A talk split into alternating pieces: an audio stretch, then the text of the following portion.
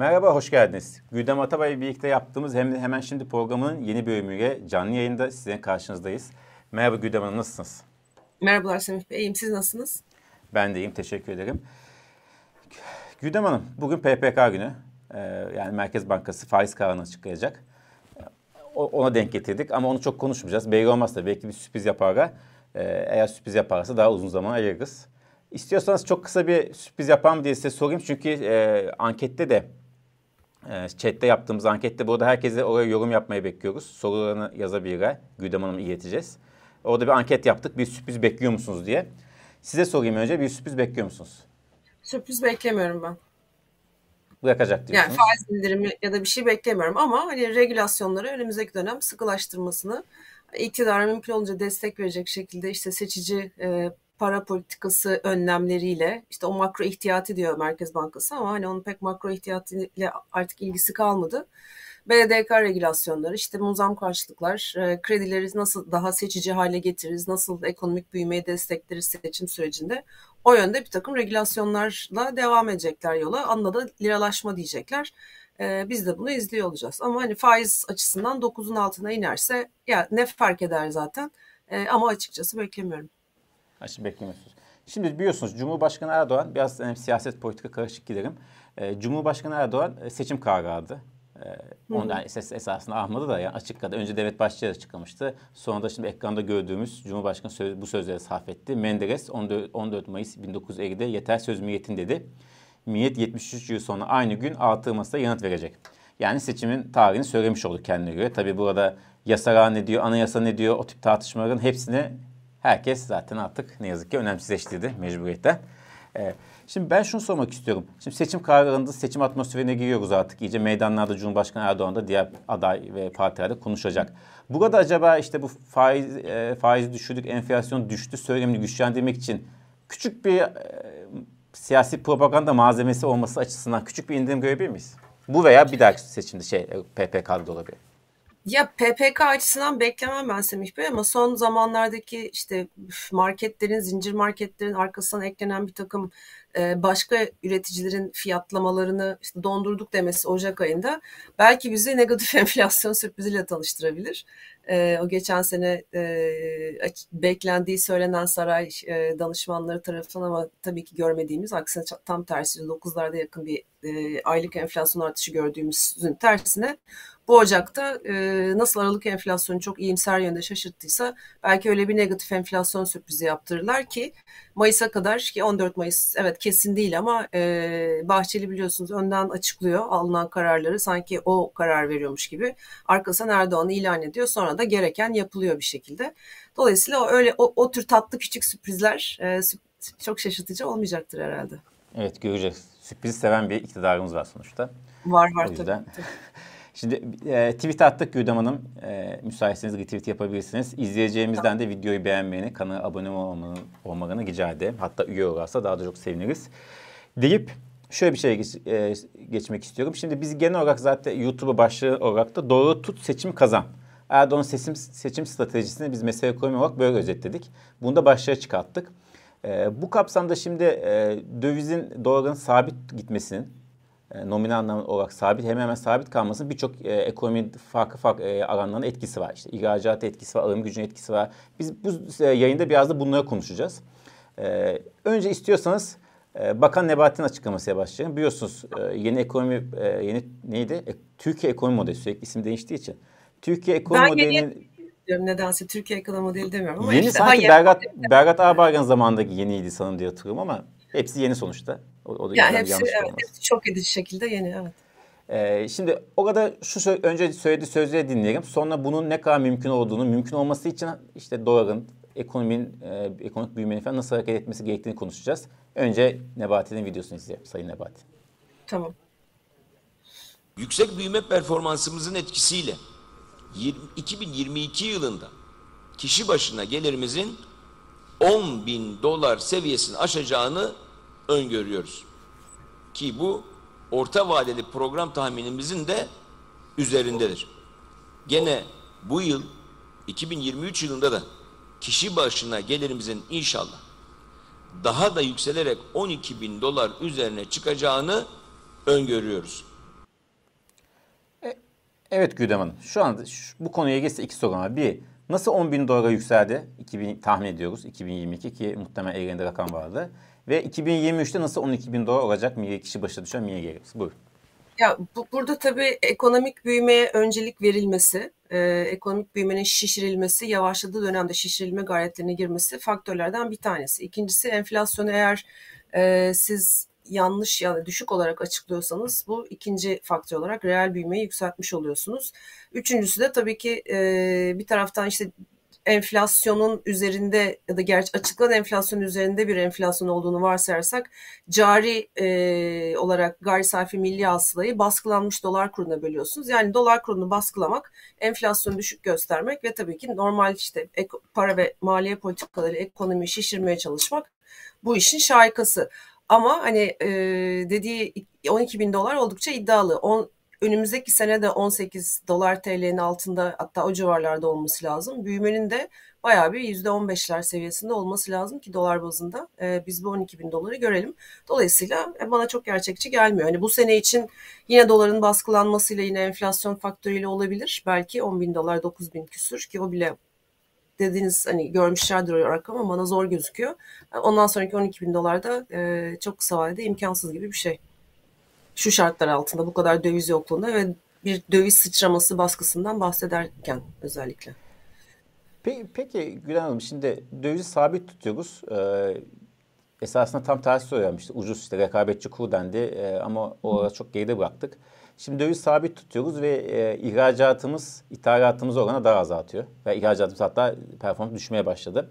E, bu yönden de birçok isim aslında doların artık biraz servis bırakılması en azından bir %10-15 yukarı çıkması için izin verilmesi tırnak içine gerektiği söylüyor, söylüyor. Siz bu duruma nasıl bakıyorsunuz? Gerçekten şimdi içeride ne olursa olsun enflasyon bakımından bir tık rahatlatan bir etkisi de var tabii ki. Döviz kurunun doların sabit olmasının e, yurttaşlar açısından. Ama e, istihdam piyasası başta olmak üzere iç gücü piyasası ve ihracat rakamları hatta cari açık üzerinde negatif etkisi var. Siz buradaki denklemi nasıl yorumluyorsunuz? Yani ihracatçı açısından tabii zor bir durum. Çünkü iki taraflı baskı altında. Bir tanesi TL'nin TL'ye değer kaybettirecek savıyla çıkılan yola bir ekonomi modelinde işte TL'ye yaklaşık %15 değer kazandırıldığını görüyoruz. Ona mecbur kalındı. Çünkü enflasyonla mücadele olmadığı için TL'deki her değer kaybı olduğu gibi enflasyona geçişkenlik sebebiyle yansıdı. Hatta işte beklentilerin bozulması, üretici fiyatlarındaki zaten global enflasyon ve işte TL'nin değer kaybı çok hızlı bir şekilde enflasyon yarattı yarattı. O yüzden TL baskılandı. Ne oldu? İşte bugün 22 e, olması yerine 18 olunca da e, hem dışarıda talep yavaşlarken işte küresel resesyon dönemine girdik. 2023'ün ilk yarısı hem Avrupa'da hem dış pazarların birçoğunda gelişmekte ekonomiler olan ekonomiler dahil bir şekilde talebin yavaşladığı bir dönem oluyor olmakta. Buna bir de reel kurdaki artış baskısı eklenince ihracatçı oldukça sıkıntıda. Ama dediğiniz faktör önemli. E, TL'yi baskılayarak enflasyondaki bazılı etkisinin düşüşünü biraz daha kuvvetlendirmek mümkün. Bu ne açıdan işe yarıyor? İşte o emekli memurlara yapılan %30 zammın ya da asgari ücrette eklenen son %50'lik zammın, 54'lük zammın e, biraz daha alım gücünün e, soluğunun uzamasıyla sonuçlanabilir. Buradan da beklenti tabii ki genel olarak işte 14 Mayıs artık dersek seçim tarihi olarak o sürece kadar bu aşınmayı hissetmemesi, insanların aa evet enflasyon bakın e, düşüyor. Bizim alım gücümüzde de bir rahatlama var. E, insanlara bunu dedirterek sandıkta AKP'ye, MHP'ye seçim e, tercihlerin yönelmesi. Ama riskler var burada. Nedir? TL baskılanıyor. TL'de bir hareket beklentisi var. İkincisi enflasyondaki bu e, yalancı bahar diyeyim baz etkisiyle kaynaklı büyük olasılıkla, büyük e, ölçüde daha doğrusu ve bunun e, özellikle kamu harcamalarının artmasıyla beraber, aşırı artmasıyla beraber yılın ikinci yarısında büyük bir enflasyonist baskı biriktirdiğini biliyoruz. Dolayısıyla biz yüzde kırkların biraz altında bir tüfe enflasyonu görsek de Mayıs'a kadar buralarda kalıcı olması çok mümkün gözükmüyor. Özellikle petrol fiyatları, Çin'in açılma tartışmaları, açılmasının küresel ekonomiye yansımaları, işte burada emtia fiyatları tekrar yükselecek mi, ne olacak, ne bitecek? Bütün bunlar henüz belirsizlikler. Hani keşke bu şekilde yolla ilerlemek yerine doğru düzgün bir enflasyonla mücadele politikası olsaydı da e, riskler biraz daha kontrol altına alınabilmiş olsaydı. En azından dış faktörler karşı açık, iç faktörler kontrol altında olabilseydi. Ama amaç seçim kazanmak, e, üzüm yemek, bağcıyı dövmek. Neyse o tartışmalara girersek yani şu anda öncelikli olan seçim kazanmak. Şimdi seçim kazanmak deyince e, biliyorsunuz seçim tarihi üzerine çok spekülasyon yapılmıştı, yapı, yapılıyordu hakkı olarak. E, hep işte er, erken alınacağı söyleniyordu. Zaten de alınacak. Şimdi mevsim etkisi diyor. Mevsim etkisi olmadığını biliyoruz. Aynı tarihte evet. çok seçim yapıldı. Hatta Temmuz'da bir yapıldı seçim. E, mevsimdi. E, burada iktidarın seçim tarihini belirleme konusunda temel baktığı e, değişkenin ekonomi olduğunu düşünüyorsunuz? Yoksa biraz da hani siyasi faktörler de varmış işte Ramazan hiç olmasa, okulların tatil olması gibi sebepler.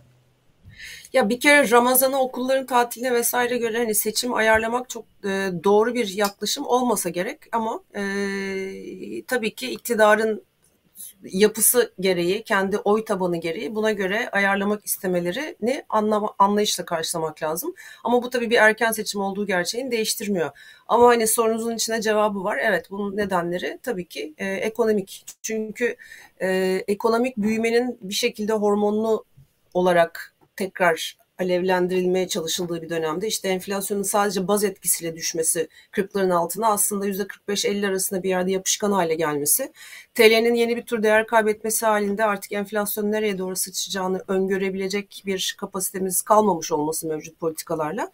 Dolayısıyla bütün bunlar e, o risklerin Haziran'a kadar ötelenmesi halinde bu döviz talebinde bir hareketlenme olabileceğini ve beklenmedik bir dalgalanma dönemiyle e, seçime doğru gitmek zorunda kalabileceğimizi gösteriyor.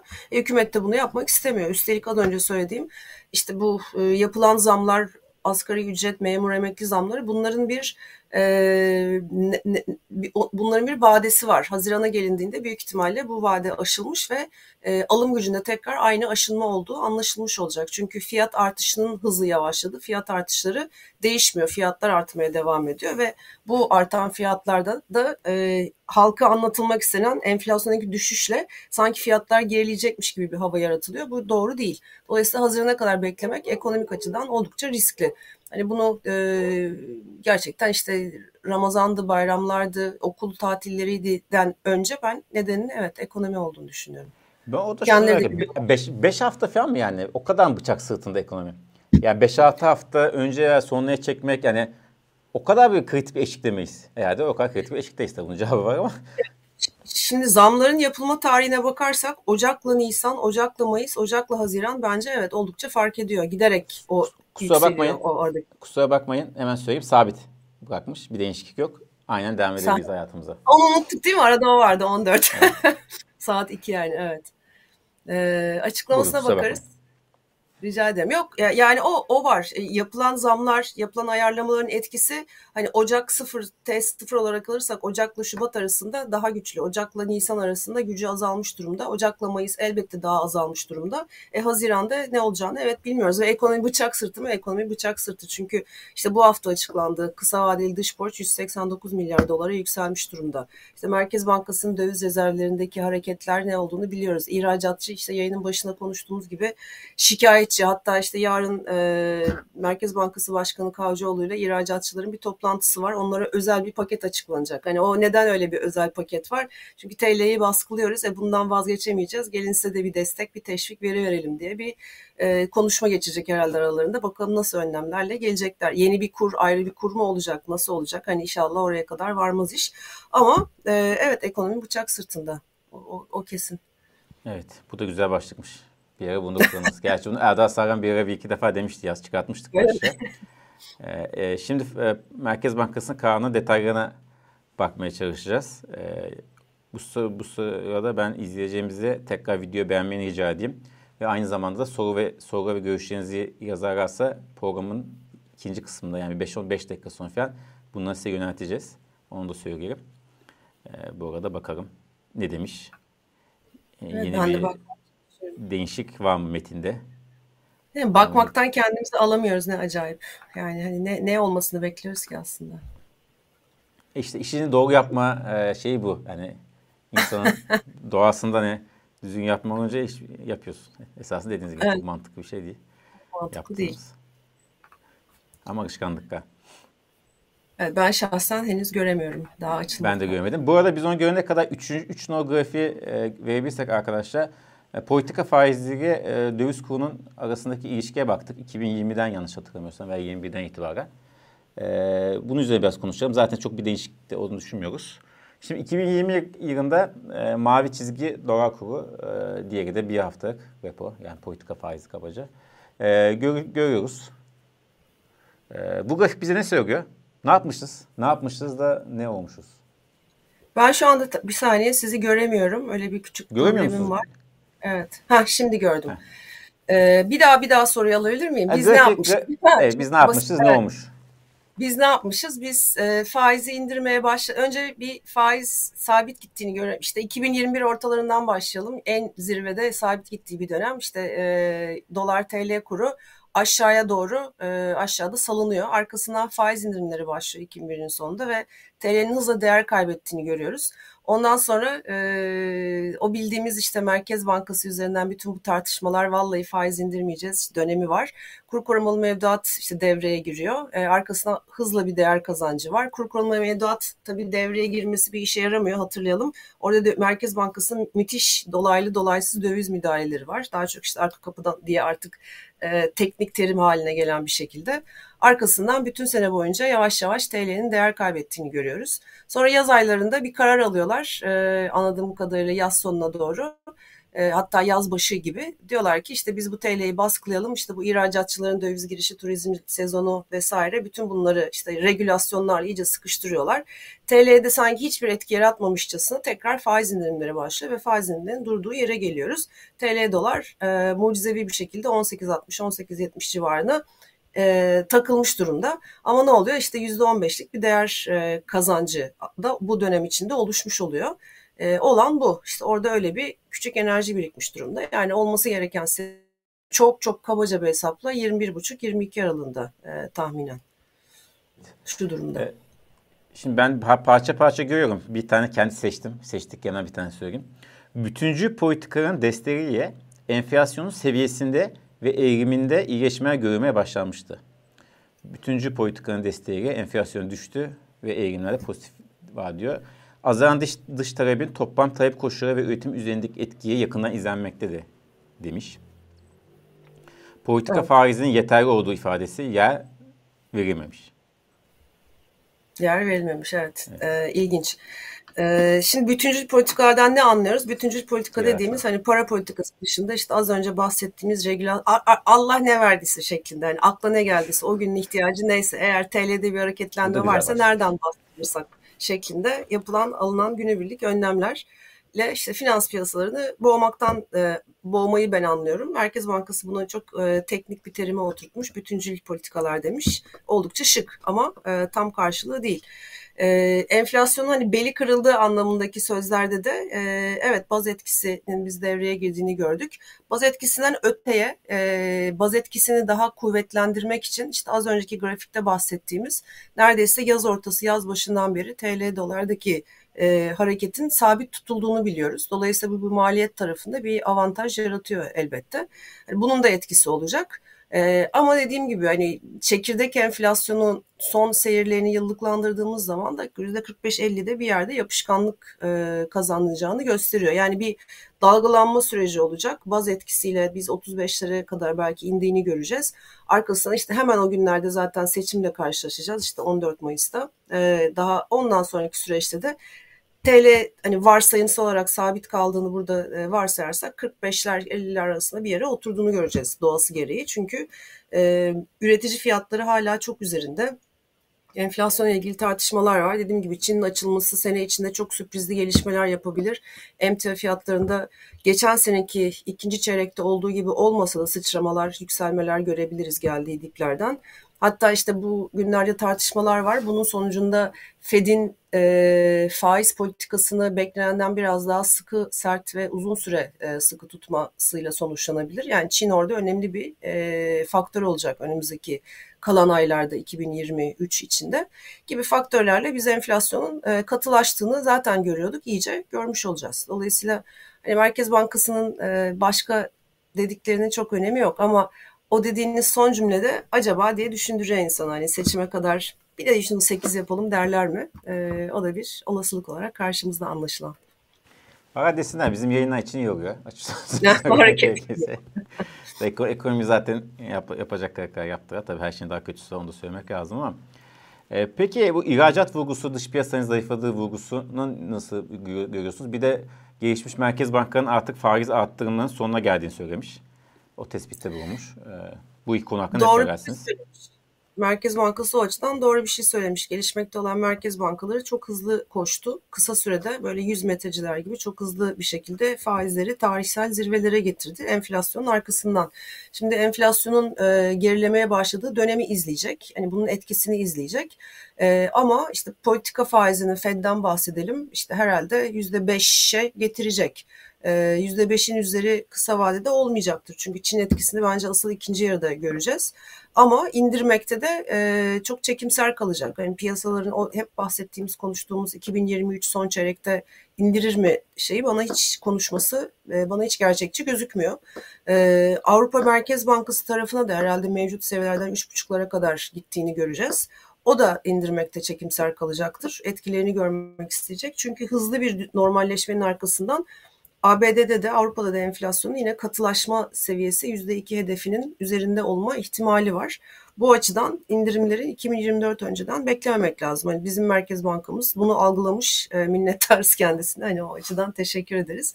E, ama onun dışında yani ihracatçının işte dediğim gibi iki baskı altında bir tanesi yurt dışındaki gelişmeler e, talebin zayıf bilerek isteyerek zayıflatılması enflasyonla mücadele için. Diğeri de bizim Merkez Bankamızın hükümete çeşitli şekillerde destek vermeye çalışması sonucunda TL'nin e, reel olarak değer kazandığı süreçten olumsuz etkilenmesi. Şimdi yarınki toplantıda ihracatçılarla bakalım e, TL'de bir şey yapamayacaklarına göre ne, nasıl bir destek vermeyi e, düşünecekler? Muhtemelen yine ucuz e, krediler yoluyla desteklemeye çalışacaklar. Dört numara grafiği getirdim arkadaşlar ihracat demişken. E, güzel bugün nerede gördüm ya? Ekonomi gazetesinde gördüm sanırım. Ama emin de değilim birisinin hakkını yemeyeyim. E, orada da değişik bir istatistik var. 2022'de karayolu taşımada değişimi gösteriyor. Ekonomimde evet. Evet e, gerçekten güzel bir şey e, bence tablo. İhracattaki azalışın yani artış oranındaki azalışın ve hatta Aralık'ta negatife düş yani küçülmenin e, ve ihracattaki değişimi de ithalattaki değişimi de görüyoruz. Esasında gerçekten cari açığın e, neden patladığını, e, ihracatta hani söylenen ihracat rekorlarının esasında altında farklı bir şey yattığını çok net gösteriyor değil mi? Evet evet. Ya bu tabii e, karayolu taşımalarında değişim ama e, ihracat artış hızının da benzer bir şekilde bürüneceğini söylemek mümkün. Hatta benzer bir şekilde çoktan büründü. Çok yakın rakamlar birbirine. E, ithalat biraz daha resmi verilerde güçlü olmakla birlikte dolar bazında artışı. Bu neden böyle? Ee, bir baz etkisi var. İşte Aralık'ta eksi 1.6'ya inmiş. Muhtemelen Ocak 2023'te biz e, iyice ihracat artışının eksiye döndüğünü göreceğiz. İlk çeyrek hatta belki de ilk yarı boyunca. Çünkü çift taneleri büyümelerin üzerine çok zayıf e, performanslar gelecek. İkincisi işte bahsettiğimiz şey kurdan darbe yiyorlar. Kurun etkisi zaten kısa vadeli olacaktı. Bir de bunu devam ettiremeyince o etki o terse döndü, olumsuza dönmüş durumda. E bir de kur etkisinin yanında talep azaldıkça e, bence o etki çok daha ağır basmış durumda. İhracatçılar tersini söylese de asıl talep sorunu e, var ve biz kötü bir ihracat performansıyla karşı karşıya kalacağız. Dediğim gibi ilk yarı, ilk çeyrek mutlaka, ilk yarı muhtemelen İhracat artış hızı eksi de olacak. E, ithalat tarafına niye frene basamıyoruz? Çünkü iç talebi köpürtüyorlar. E, iç talepte biliyoruz üretim ithalat bağımlılığı, bağımlı. Dolayısıyla ithal ara malı girmek zorunda. Bunu ürettiğiniz malı ihracata yönlendiremiyorsanız, iç piyasada satıyorsanız sizin cari açınız yine yükseliyor. Çünkü üretim yapısı bu şekilde. E, işte 20 senede değişmeyen yapının e, yine olumsuz etkileri ortaya çıkıyor. Biraz faizle oynadığınız zaman e, olmaması gereken şekilde bu yapı çok daha kendi belirgin hale getiriyor. Evet. Sanırım. Biraz bütçede konuşuruz ama seyirci sorularından da devam etmek istiyorum. Tabii. Cem Bey demiş ki seçimler seçimlerden sonra mevcut ekonomik tablonun mahiyetinin halka yansıtılması konusunda ne düşünüyorsunuz? Anlamadım soruyu bir daha evet, ben Seçimlerden sonra mevcut ekonomik tablonun mahiyetinin, bugünkü ekonomik Hı-hı. politikanın mahiyeti seçimlerden sonra halka nasıl yansıyacak? Gibi özet. Ha yani bir maliyeti olacak. Ne olacak? Evet. Ee, maliyet seçimlerden sonra. Evet. Evet seçimlerden sonra. Çünkü eğer iktidar iktidar değişirse e, bir kere faiz artışları ilk adım olacak. Herkesin bildiği özellikle hani bir, bir sürü muhalefet partileriyle benim de hani birebir gittiğim toplantılarda duyduğum zemini oturtmadan zemin depremli bir zemin olursa üstüne bina inşa edemiyorsunuz. O depremi yaratan da ne? Yüksek enflasyon. Dolayısıyla ilk adım enflasyonu düşürmek üzerine olmalı. O zaman da faiz arttırmak gerekiyor bu aşamada gelinen seviyede işte bankacılık sektöründe oluşan risklerden tutun da e, reel sektöre olan yansımalarına kadar faizi hızlı bir şekilde arttırmak ya da bir gecede 9'dan 30'a çıkarmak mümkün değil. Bir kademeli bir artış olacak. Bu kademe sürecinde ve sonrasında e, enflasyonda belli bir düşüş elde edene kadar faiz indirimleri bugün Fed'in yapmadığı gibi gecikerek gelecek. Bunun maliyeti ekonomide büyümede yavaşlama olacak ve işsizlikte artış olacak. Bunlardan kaçmak bence mümkün değil. E, bunu nasıl e, yumuşatabiliriz? Çünkü önümüzde de bir yerel seçim olduğunu unutmayalım 2024'te. O zaman da işte e, AKP ile yapılmayan nasıl kur korumalı mevduatla para sahibine kaynak aktarıldı ya da son birkaç yılın büyümesinde nasıl sabit gelirli kısmın büyümeden aldığı pay düştü. Aksine sermayeninki azaldı. Bu tercihlerin tam tersi yönde bir takım tercihlerin devreye sokulduğunu göreceğiz. Büyük ihtimalle işte bu e, enflasyonla mücadele döneminde e, vergi politikasında bir takım değişiklikler yapılacak. Çok açık açık söylenmiyor çünkü e, artık sabit getiriden değil, gelirliden değil, e, muhtemelen iş sahiplerinden, sermayeden bu vergiler e, alınmaya çalışılacak.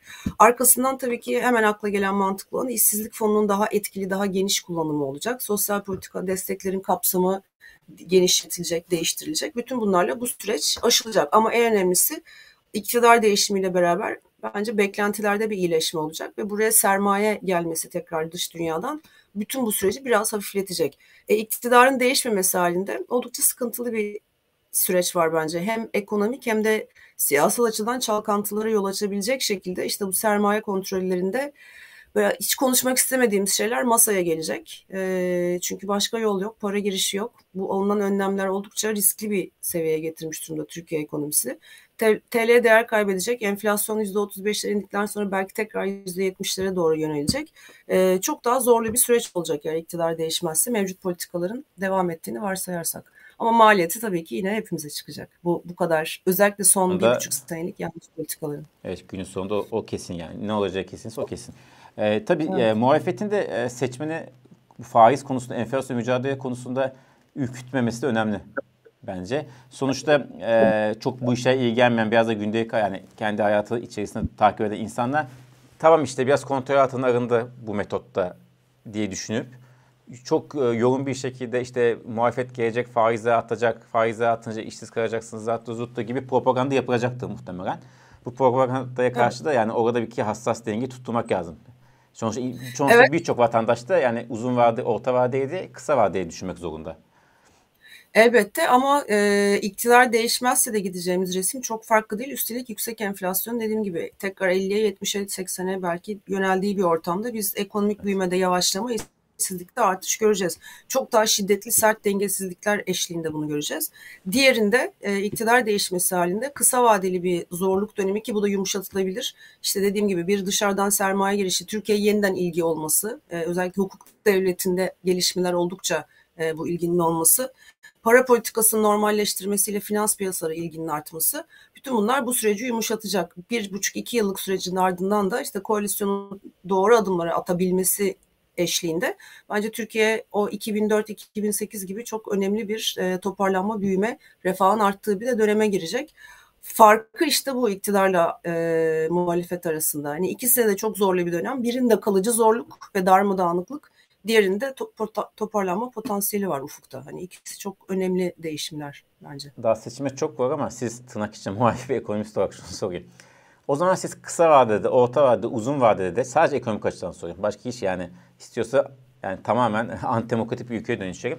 Ee, ekonomik açıdan kısa, orta ve uzun vadede her e, muhalefetin hepsinde ekonomik açıdan daha başarılı olacağını düşünüyorsunuz. Doğru mudur? Ya orta uzun vadeyi bilemiyorum çünkü e, pro, ya şöyle diyeyim tekrar soruyorum. E, çünkü ellerindeki programları benim birebir e, işte hani sizin de olduğunuz toplantılarda bir sürü yerde dinleme şansım oldu. Soru cevap yapabilme şansım oldu. Muhalefetin çeşitli partilerinden temsilcilerle Dolayısıyla ellerinde nasıl hazırlanılmış gerçekten ortak bir şekilde, ortak bir anlayışla ortaya çıkmış bir program olduğunu biliyorum. 30 Ocak'ta da bunu çok net bir şekilde göreceğiz. Tartışma imkanımız da olacak. Ama tabii bir koalisyon doğası gereği orta uzun vadede Türkiye için nasıl çalışır? Böyle bir sistem değişikliğine çabası arkasından nasıl burada yol alır onu görmek gerekecek. O yüzden planlananların devreye sokulması bence ufukta gerçekten Türkiye için 10-15 senelik bir pencere açma potansiyeline sahip. Olumlu yönde, ekonomik açıdan en azından.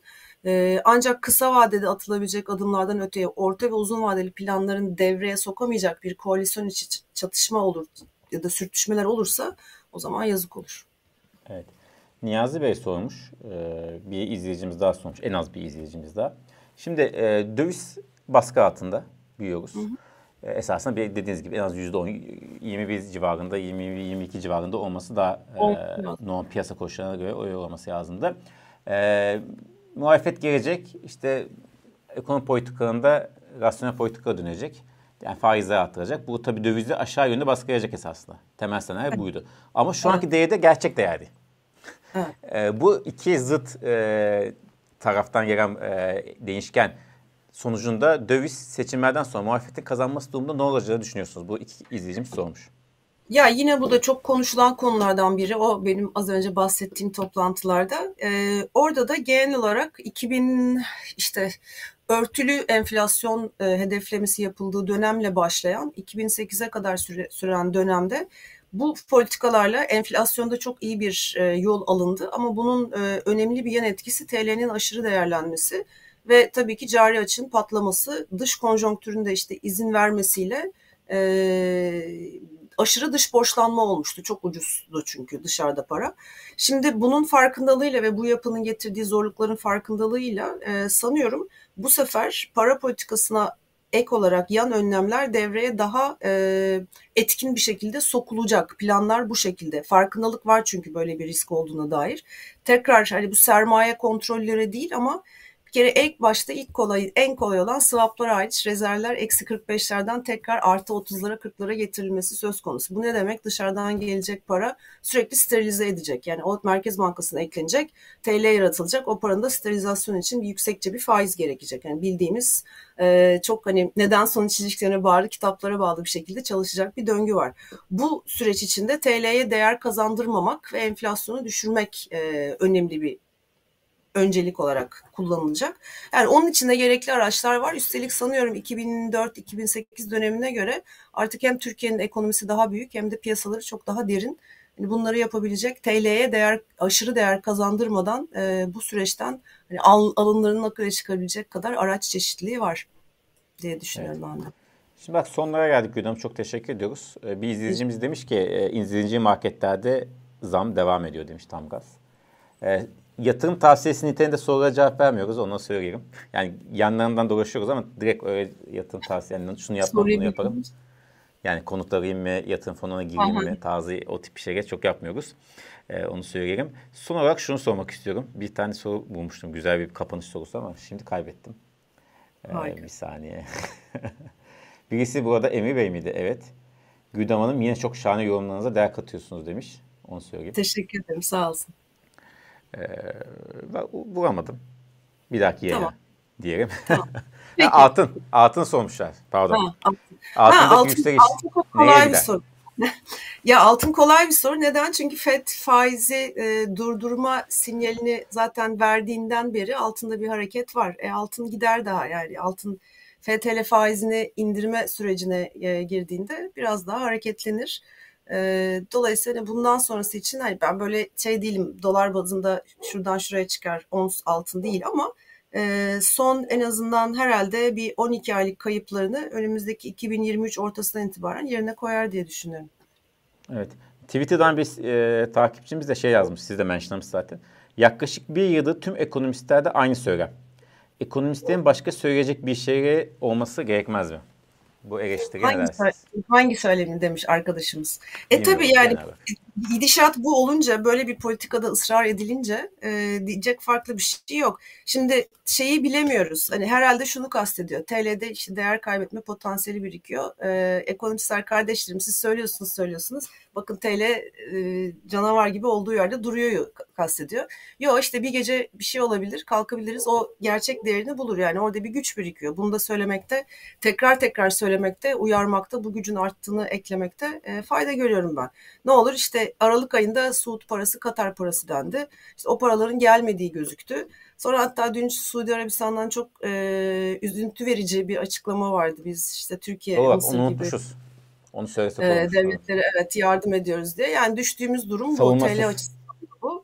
E, dolayısıyla bunlar üzücü. Bunlar Türkiye Cumhuriyeti'nin ikinci yüzyıl e, eşiğinde olmaması gerektiği yerler. E, yanlışı da yanlış demekte fayda var. O yüzden de yanlışı yanlış demeye her seferinde devam edeceğiz herhalde. Bizim gibi Evet. ekonomistler. Ömer Bey, Celal Bey e, sorularınızı aldık. Bir dahaki yayında ilk o soruyu soracağız. E, e, 35 dakika oldu o yüzden kapatmak zorundayız. Ama iki tane soruyu not aldım Güdem Hanım. Haftaya ilk Tamam. onunla başlıyoruz. Tamam. Güzeldi sorular. Çok teşekkür ederiz hem size Ben hem teşekkür seyircilerimize. Teşekkür ederim. Görüşmek üzere. Haftaya kadar kendinize iyi bakın. Görüşmek üzere.